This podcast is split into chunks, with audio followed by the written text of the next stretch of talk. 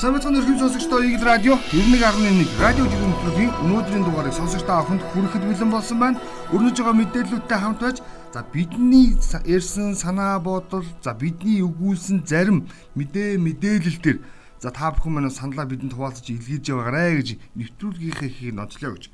За өнөөдрийн онцлог өдөр ягаад тэгэхээр нэг болж байгаа байгаль цаг уурын нөхцөл байдлын талаа 6 таолын талаарх мэдээллийг олон нийтэд хүргэх нь зүүн хэрэг Учир юу вэ гэвэл 4-р сарын 5-ны энэ өдөр буюу өөрөөр хэлбэл энэ жил өнөөдөр ханш нээж байгаа. За энэ ханш нээж байгаа байдлыг жиргээчд маань янз бүрээр жиргсэн. Эхний ээлжинд ханш нээж байгаа талаар ярьж байгаа хүн та өөрөө хөгшин үншүү гэдэг зүйл их хөндөгдлөө. За тэгэхээр бид бол мэдээлэх үрийнхээ өрөөнд бол ханш нээж байгаа тухай мэдээллийг бол онцолж байна. Харин жиргээчд маань за тэр тухай айл болох бичихгүй байхыг хичээж гинэ гэдэг юм сонирхолтой хөгжин бөгөөд хөнгөн мэдээллүүд бас хөрснийг бас нэвтрүүлгийнхээ ихэнд бас хэлхэн зүг баха гэж. За өнөөдөр бас нэг сонирхолтой үйл явдлыг харахгүй олон улсын үйл явдлын мэдээлэлүүд байж байгаа.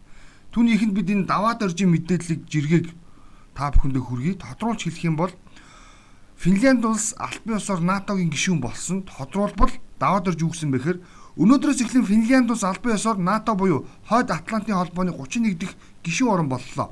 Оросын холбооны улс Украин руу дайрахтаа НАТОд илсэж манай улсын аюулгүй байдал занал хийх гээд байсан гэсэн тайлбар өгч байсан юм. Одоо харин за 1340 км хажуу бөөрөндөө нааж авлаа да гэдэг. Үндсэндээ ийм жиргэг доодорж явуулсан. За энэ жиргэний доотлол бол маш олон сэтгэлдлүүд санаа бодлууд илэрхийлэгдсэн. Өөрөөр хэлбэл буюу энгийнээр тайлбарлавал Украин болон Оросыг дэмжигч нар хоёр талын нөхдүүд өөр хоорондоо саналаа оролдуулж байгаа. Гэхдээ нийтлэг буюу дүр зураг нь юу гарч ирсэн бэ гэвэл за ингээд Финлянд улс НАТОгийн гишүүн орн болж за Оросын холбооны улс 1340 км ийм одоо юу гэдэг НАТОгийн гишүүнт оронтой хилэлдэг болсноор юу өсгөө гэвэл Оросын дотоод хямрал одоо жинхнээсээ эхэлнэ гэдэг мэдээлүүд гарч ирсэн. Яагаад вэ гэдэг зүйлийг сонирхоод уншаад үзлээ. Тэгсэн чинь ерөнхийдөө бол Европын холбоо Орос холбооны ус хоёр хоорондоо ямар нэгэн байдлаар зэвсэгт мөргөлдөө хийхгүй бах туйлын сонирхолтой. Гагцгүй За одоо үүссэн нөхцөл байдал дээр хинэн төрүүлж буулт хийх вэ гэдэг асуудал илүү тодор яригдчих байгаа. Ийм нөхцөл Оросын дотоод хямрал буюу өөрөөр хэлэх юм бол өнөөгийн эрх барьж байгаа энэ тогтолцооноос салах алах мод одоо НАТО Финляндийн гишүүн орноор болгосноос бүр ирчимжнэ гэдэг ийм мэдээлэл бас гарсан гэж За дараагийн нэг жижиг мэдээ мэдээ гэж жиргээ. Энэ хиний нэгэнд Оросыг ярьсан юм чинь оюуны жиргээ явал. Оросд кола байхгүй. Монголоос кола ачуулдаг болсон гэд хоёр ах лефтэнд ярьж байна. Өдөрт 10 машин кола хойд хилээр эрхүү рүү гардаг гинэ. Би айгүй баясцсан толгой дохиж интер энэ хоёртой санал нийлж интер гэсэн. Бас л хэрэг үн энэ мэдээлэл буюу за үнэхээр үнэн болвол манай одоо үйлдвэрлэгч нар манай импортлогч нар ерөөсөө бизнес тэнд явж шүү гэдгийг хэлэх гээд байгаа. Ер нь ямарваа нэгэн дайм мөргөлдөөн эмх замбраагүй байдлын хажууд нэг хэсэг нь маш хэмжээний мөнгө олдог бичигдээгүй хууль өгдөг. Тухайн эмзэг тал дээр. Өөрөөр хэлбэл Оросын холбооны улс Украин орнуудын за зөрчилтэй байдлаас үүдээд Оросын холбооны улсад томоохон сүлжээний за мөн үйлдвэрлэгч орнууд өөрийнх нь худалдааны төлөөлөгчийн газруудыг бүгдийг татан буулгаж байгаа. Гэрээгээ цуцалсан ийм мэдээллүүдийг бид өмнө зөндөө хуваалцаж ирсэн. Макдоналдс гарлаа л гэжсэн, кола гарлаа л гэжсэн. Тэгээ нэр бүхий спортын болоод хүнсний томоохон брэнд бүтээгдэхүүнүүд бол тус улсыг орхин гарахаа мэдэгдэж байгаа юм мэдээлүүд ярьж ирсэн. Тэгвэл мэдээж хэрэг Орос улбаны улс хэдийгээр нөхцөл байдал хэцүү байгаа ч гэсэн хүн тэнд амьдарч л. Тэгээд тодорхой хэмжээний нэр төрлийн бүтээгдэхүүнүүдийг хэрэглээс урцсан л Тэгвэл энэ тал дээр нь Монгол одоо ажиллах хэрэгтэй. Нөгөө нэг бизнес эрхлэгчдэр бид нар дотооддоо ингээд бараа бүтээгдэхүүнийхээ нэг нэмээд бие биенийхээ халаасыг тэмтрээд байхынхаа оронд тэнд байгаа нөхдүүдэд бараа нь илүүлээ л та. Бид нар хаашдаа хилийн ямар нэгэн хориг асуудал гацаа үүсэхгүй. Зүгээр тэнд байгаа Оросын ард түмэнд буюу өөрөөр хэлбэл Орос улсын иргэдэд зориулсан шаардлагатай байгаа тэнд хүрэлцэхгүй байгаа хүнсний бүтээгдэхүүн бусад бараа таварыг зэвсгээс бусад шүү. Бараа таварыг эндээс нийлүүлээ л та. Ингийн бол аж ахуйн нэгжүүд маань бас нөгөө гаднаас валют оруулж ирнэ гэдэг энэ агуулгач бас гарах юм шүү гэдэг мэрэгэн санааг нөхцөл бас бичлэлсэн байлээ. Тэгээд бас өөр хоорондоо санаагаа илэрхийлэх хуваалцах үз гэж хэлэх чаа. Дараагийн жиргээ NASA Jim NASA Jim Ер нь манад нэг хамгийн том хүнд нөхцөл байдал бол энэ байгаа. Аялал жуулчлалыг бид 2023, 24, 25 онуудад за ингээд маш хүчтэй дэмжинэ гэж илэрхийлээд тодорхой бүтээн байгуулалт, засал тогтчил за тэр бүхэл бичиг баримтыг нээлттэй болгох тодорхой хэлбэл Европын холбооны 34 улсад бид хилээ 30 хоногор за ингээд визний хөнгөлсөн нөхцөлтэйгээр буюу за ингээд заавал визтэй байх гэдэг ийм шаардлага хүртэл цуцалчихсан. Тэгээ харамсалтай нь нөгөө нэг Монгол руу нэвтэрж орж ирэх агарын тэрийн зардлыг ерөөсөө бид нар ажиллаж чадахгүй. Ингэж байна. Улаанбаатар, Инчон, Сиднейд ирэх онгоцны билетийг Монгол дахь тийзний компаниар захиалах гээд дүү маань асуулгахад нэг хүний 3.7 сая төгрөг гэж хэлэхээр би бүр гайхчихлаа. Тухайн за ингээд өөр тухайн өдрийнхөөр нь өөрийн байг ашигладаг апаар нь захиалга хийж үзлээ. Тэр нь баг энэ зардлаар нь их нэртэйгээ зүг одоо ингээд яваад ирэх буян болвоо гэж одоо зардал болж шин. Тэг яамар ч Монголд үйл ажиллагаа явуулж байгаа тийз борлуулалтын компаниуд ийм өндөр үнэтэй зараад идэв юм уу? Эсвэл гадаадад төвдөө тий энэ одоо юу гэдэг тийз борлуулалтын компаниуд хямдхан билет олоод идэг юм уу гэдэг гайхаад. Нэг хүний Улаанбаатараас эн чинь ороод эн чиноос Сидней нисэх гэдэг шин. Гэтэл нэг хүний 3.7 сая гэж. Тэгсэн чинь тэндээс болохоор ашигладаг аппараа буюу Сиднейгээс ингээд ап ингээд аваа дараа дараа болохсон чинь уучлаараа их нэртэй хойлоо зүү яваад ирэх зардал болсон. Яамар чи яг манайх энэ нэг энэ тийзний үнийг шийдмээр байгаа маа. Тэгэхгүй бол үнэхээр хүнд. За энэ дээр бас нэг сонирхолтой мэдээг хуваалцсан. Мөнх эрдэнэ бид нар өмнө радио жирийн нэвтрүүлгээр ярьжсэн. Байрны гадаа буюу орон сууцны хорлолуудын зам талбай дээр За олон жилээр удаан хугацаагаар ингээд тавиад мартцсан гэж хэлэгддэг. Энэ автомашинуудыг чөлөөлөх ажлыг эхлүүлнэ гэж хэлсэн. Тэгээ мөнхөрдөн ээлж жиргээ явуулж нийтийн эзэмшлийн зогсоол зам талбайд удаан хугацаагаар байгаа орхигдсон машинуудыг эзэд нь мэдгдлийг нь дагуу эхнээс нь хүргэсэ. Одоогор 22 автомашины зам талбайг чөлөөлсөн. Сайн дураараа хэрэг чөлөөлөхгүй ачна гэж. Тэгээ манай яг жолоо бараа сууж байгаа маань төлөв сонсож байгаа жолооч нар магадгүй найс нөхдөд хэлээрээ Зарим орон сууцны хорооллын гадаа автомашинуудыг за ингээд аваарай зөөн шилжүүлээрэ гэд ийм мэдэгдэх хууц хөргүүлэхээр жолооч нар уурлаад байна гэсэн. Хинд гай олцоод байгаа гэдэг. Энд чинь бас нийтийн эзэмшлийн талбай нэг хүн зориулагдаад нэлээд удаан хугацаагаар байж болохгүй гэдгийг ойлгороод эзүүлэх гэдэг. Нийтийн эзэмшлих гэж үгсэн үг гэхээр нийтээрээ тэрийг нь хувааж ашиглая л гэж. Нэг хүн нэг насаараа ашиглах гэх юм бол та түнчээ худалдаж авах хэвээр өөрийн өмчлөлийг бий болгох хэвээр Харин та өмчлөлийн газар дээр бол тийч юу ч тавиа мартаж болно шүү дээ.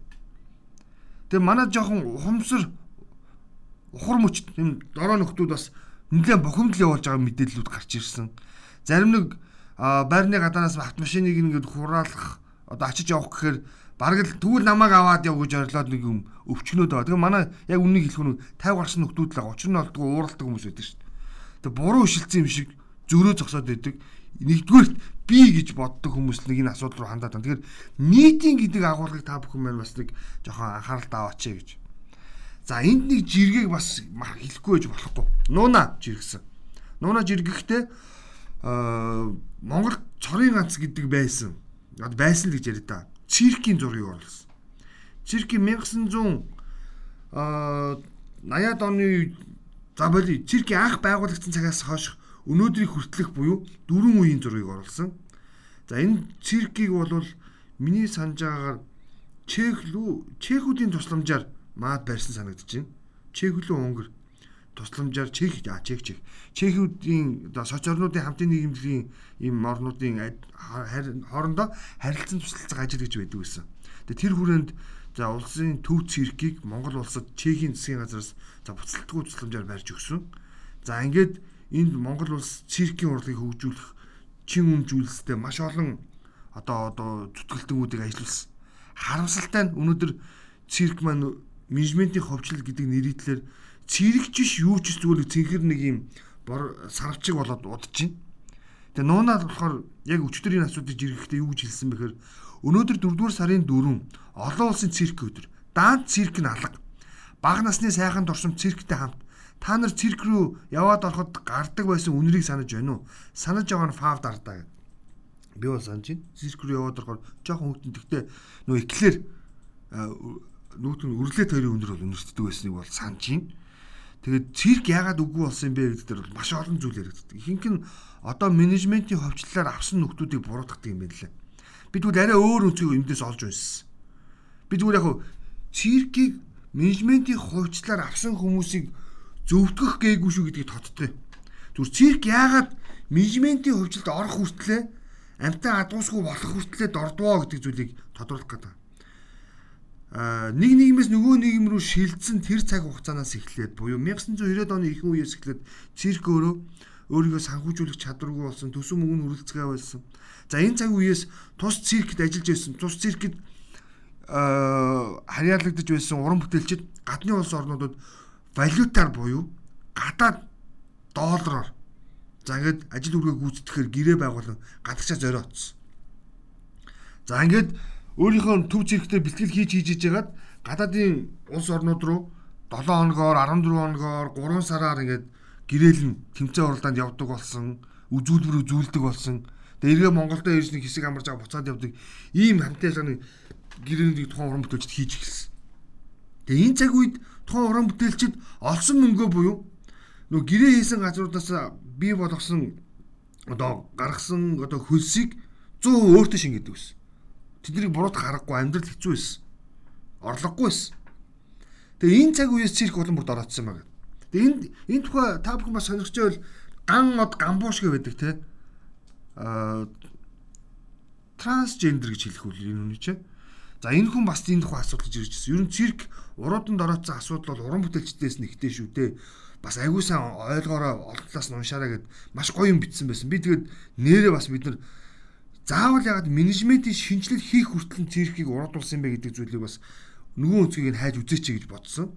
Тэгээ үнэхээр яг тэр ганод гамбуушийн жиргсэн жиргэнээс уншаад үзэхээр магадгүй тухайн цаг үед циркийн удирдлагууд нь уран бүтээлчдийн ахуй амьдралыг нь бодоод гадны тий а улс орнууд руу гэрээгээр явуулж байгаа ч гэсэн гэрээгээр за уралдаан тэмцээнд очиулах номер хийлэгдэж байсан тодорхой олсон орлогынх нь тодорхой хувийг нь цирктэй төвлөрүүлж байсан болов тий циркийн тэр үеийн зардал тэр үеийн ан амтан өлсөн өхөж үрдэн өрн таран болохгүй байх байсан болов гэж. Гэндэ чи гондо чи гэдгийг бид нар зүгээр бодооч гэж энэ нуунагийн жиргэг та бүхэндээ санал болгож байгаа. За дараагийн нэг жиргээ. За эхлээд би энэ за энэ нандагийн жиргээг явчих. Эхлээд нандаа жиргсэн.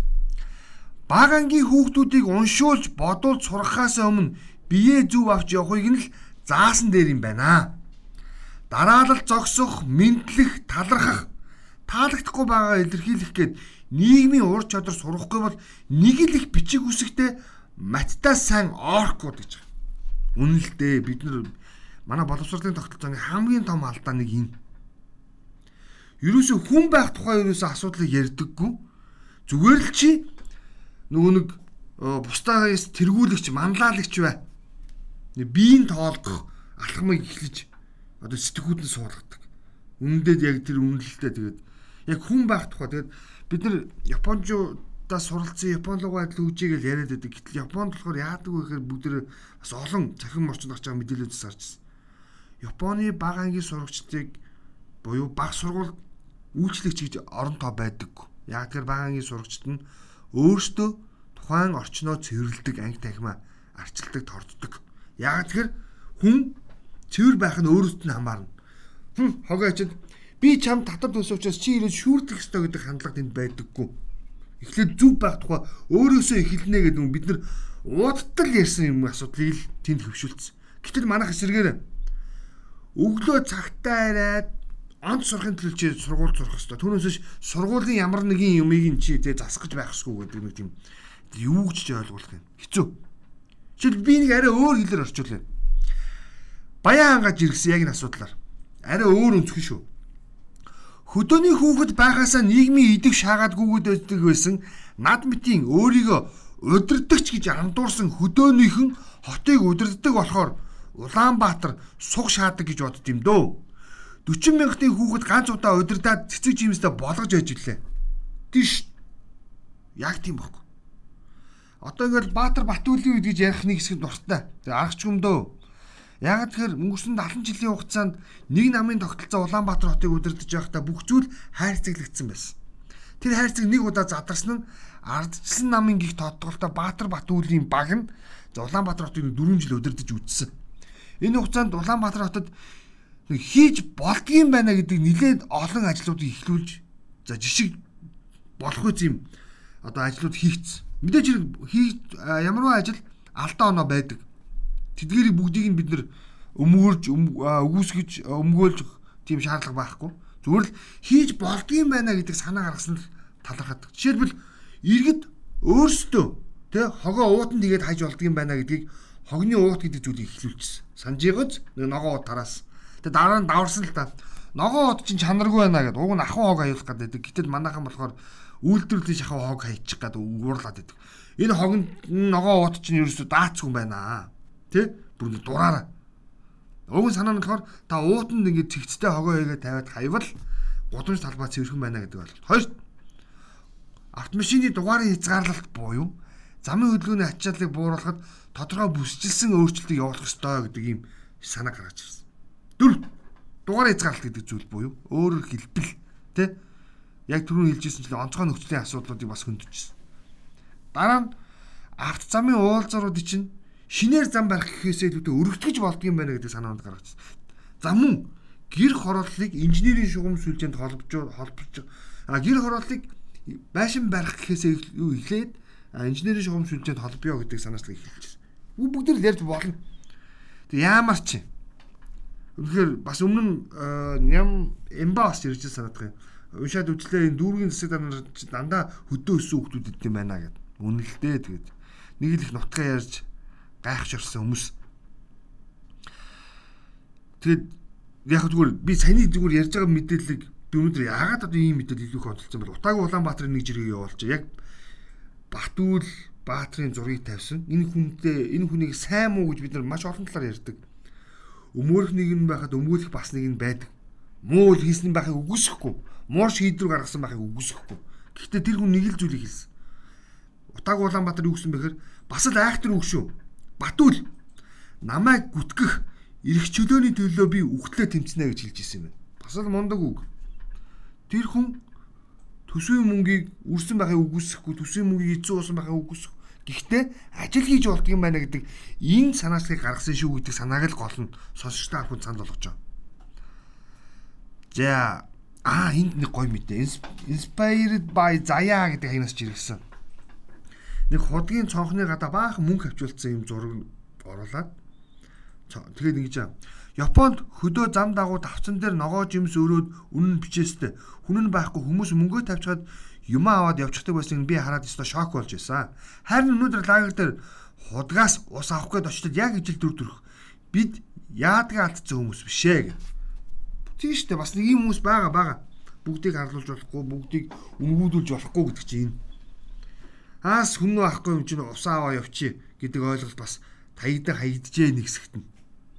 Би ямар ч байсан хэдэн литр ус авсан тэрнийхээ мөнгийг үлдээнэ гэд явдаг бол сайн жишг. Ийм жишг, ийм хүмүүс, ийм сэтгэлгээ илүү олон болоосоо гэж. Ээ, за энд нэг жиргээ тэгвэл энэ гэхдээ гадна болж исэн үйл явдал шүү. Тэрийг би зүгээр нөхдүүд жиргсэн байна. Багийг жиргсэн. Нэг зураг оруулаад тэр зураг дээр яасан бэхээр гэр бүлийн гişүүд бололтой дөрвөн хүнийг дүүжилсэн мэт юм зураг байж. Багийг юу гэсэн бэхээр багшид миний зурсан зураг таалагдсангүй гэлээ. Ээж нь багштай нуулцаад багш гэр бүлийнхээ зургийг зур гэсэн чинь даалгавар өгөхөд хүү чинь ийм зураг зурлаа та тайлбарж өгнө үү гэд ууртаа маягт хэлсэн байна. Тэгээд бид хүүхдүүдтэйгээ хамт Бахамын арлууд дээр амарч далайн гүнд шумбаж байгаа зураг л штэ гэсэн байна. Өөрөөр өөр өнцгөр харцгаая гэж. Тийм баггүй. Мэдээж хэрэг. Тэгэхээр нөгөө нэг түрүүн бас хэлжсэнчлэн боловсролын тогтолцоонд бас тодорхой хэмжээний өөрчлөлт оруулъя гэдэг санаа чинь бас энэ юм. Тэгээ багш нар өөрсдөө бас харах өнцгөө өөрчлөлөө. Энэ муу хүүхэд гэдэг ойлголт одоо халъя. Одоо манай боловсролын системд хамгийн том хамгийн тийм салж өгдөг нэг ойлголт байна. Нэг анги байлаа. Нэг анги 25-аас 30 хүүхэдтэй. За магадгүй дундчаар улсын сургуулиуд 40-оос 50 хүүхэдтэй ч юм уу. За хэд ч яах вэ? Нэг анги нэг хэдэн хүүхэдтэй. Тэгээ тэр ангийн яг 5 хүүхэд онц зурдаг. Үлдсэн 75%, үлдсэн 85% дундаж тэгэнгүүт нөгөө тавтагаар байлдаад байдаг. Нөгөө тавгаар олимпиад руу чирж гүгээд нөгөө тавыгаа сургуулийнхаа бүх үнэлгээнд нь оруулаад. Тэгээ тэр таваар нь тэр ангийг сайн гэж үздэг. Гүйлдээ гүйлдээ нийгэм өөрөө яг тэр 5 хүн сайн гэж бэлтгэсэн 5 хүнээс чинь болоод үлдэж байгаа нөгөө 75%, 85% нь өөрөө хохирч болоод байгаа юм аа. Тэгээд нөгөө 5% нь дээшээ гарчингуудаа дараах сэтгэлгээтэй болж тэнэгдээд байгаа хөөх. Ямар ч өөр харах өнцгөө өрчлөө гэж. За энэ өстө гой жиргээ. Ягтлан бодогч нь байна жиргсэн. Тэгээд нэг юм бичлэг оруулсан. Тэр бичлэгэн дээр яаж байгаа гэхээр нэг юм манекенд юм костюмны костюм өмсүүлээд нэг нөхөр 7 мм 9 мм-ийн гар бугаар буудаж байгаа юм бичлэг баг. Тэгээд тайлбар нь юу гэсэн бэхээр Джон Виктер гардаг хослол үнэхэр хийгдсэн юм байна. 9 мм-ийн гар буу битгий хэл MP5 автомат бууны сумыг ажрахгүй өмсгөл хийсэн байдаг. Туршилтын бичлэг. Бичлэг нь үтсэн чинь яг буудаж байна. Тэгээд нэг үтсэн цоорсон юм байхгүй. Тэгээд энэ костюм тэгээд кино өөрөө ямар том бизнесийн тий одоо үйл ажиллагааг ардаа агуулдаг гэдэг чинь эндээс харагч. Одоо энэ костюмны захиалга бол дэлхийд бол нэг номер болно. Би бол итгэлтэй байна. Маш олон компани эзэд захирлууд аминдаа хайртай хүмүүс эсвэл хин нэгэнд үзэн ядагддаг хүмүүс эсвэл хин нэгнээс имээдэг хүмүүс энэ костюмыг захиална. Джон Уикийн кинон дээр гардаг хослолыг хийсэн компанитай холбож өгөөч гэдэг хүсэлт нь дарагдана кино багийнхан. За ингээд энэ хүсэлтээр үндэслээ тухайн компани бүтээгдэхүүнээ үйлдвэрлэгчд нь захиалга өгөн захиалга нь тэдэн доллараар үн хамаагүй аавна гэдэг асуудал үүссэн. Мондөг аимшигтай. Кино болгон бизнес. Тэгээ манад бол энэ соёлыг бас жоохон түгээмээр байгаа маа. Санаж байгаа бол хобби, бүгжний эзэн зэрэг кинонуудын зураг авалт хийгдсэн нөхцөл байдалтай уялдаад за энэ зураг авалт жижигхэн түүхийхэд бүгжний эзэн киноны зураг авалт Шинэ Зеландд зохион байгуулагдсан. За тэгвэл одоо Тэр кино гараад одоо 10 гаруй жил болцсон. Тэгтэл Шин Зинландын аялал жуулчлалын хөтөлбөрт Бүгжний үйзэн Хоббит зэрэг киноны зураг авалтын талбай дээр очиж үзэж болно нэг өдрийн түүр аялал тэдэн доллар гэдэг бүр хөтөлбөртөө орсон. Яваад очихоор яг тэр кино зураг авалтын багийнхны бүтээсэн байрш баг одоо гэр орон отхон тэр чигээр үйждэг. Гайхамшигт. Бүгдээр нь мэднэ.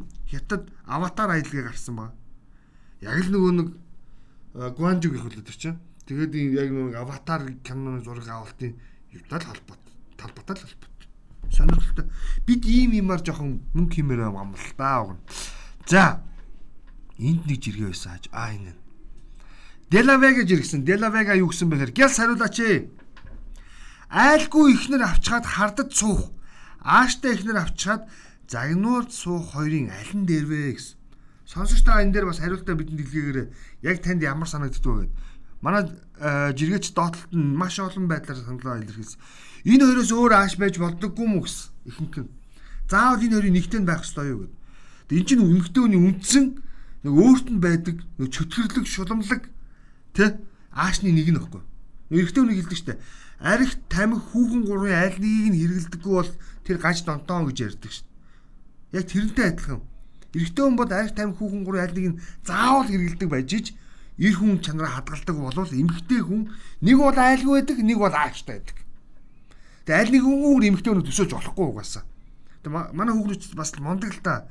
Би тэгээд тийм болохоор эхнэрүүдэд илүү их хайртай байдаг. Яагаад гэхээр эхнэрүүд хүнтэй суух хүртлөө тэ жигүүртэй дагн мэт байдаг тэ а хүнтэй суусныхаа дараа шүүртэй нь болдог асуудал байдгийн тэгээд ямар нэгэн аргаар хүнтэй суудаг а суусныхан дараа тэр айлгүй зангаа гаргана уу аашаа гаргана уу гэдэг нь бас нөгөө талдаа бас нөхрүүд та биднээс бас их шалтгаална гэж. За хариултыг та бүхэн бас манай нэвтрүүлгийн доор санал сэтгэлээр бас хуваалцаарай гэж зөвлөе. За дараагийн оо цаг явц нэг жиргээ ганц явчих. Баяр. Баярын жиргээ. Өндөр хөгжилтэй улсуудад ажиллах хүчний хомсдолд орчихсон байна. Шалтгаан нь төрөлт багасж явж ирсээр өндөр настангуудын тоо ихсдэг, хөдөлмөрийн насны хүн цөөрсөн, боловсрол өндөр тул өндөр үнэлгээтэй ажил хийдэг, үр дүн нь гэр бүлийн гишүүд ажиллах шаардлагагүй болдог, үе дамжсан хоримтлон тухайн гэр бүлийг ажил хийлгүүр амьдрах боломжийг нь олгодог. хариулт хаана байна вэ гэж. Би бодлоо тэгээ энийг нилээ уншлаа. Тэгээд хариултыг сонсогч танд үлдээ. Дараагийн нэвтрүүлгээр Эркатаа хэдүүлээ сууж агаад энэ асуудлыг үргэлжлүүлээ. Тэгээ энэ нэг талдаа маш зөв шийдэл. Маш зөв шийдэл. За нөгөө талдаа тухайн улс орныг мөхөх шийдлээ гэж. За дараагийн нэвтрүүлгээр илүү олон мэдээлэл өгөх байж та.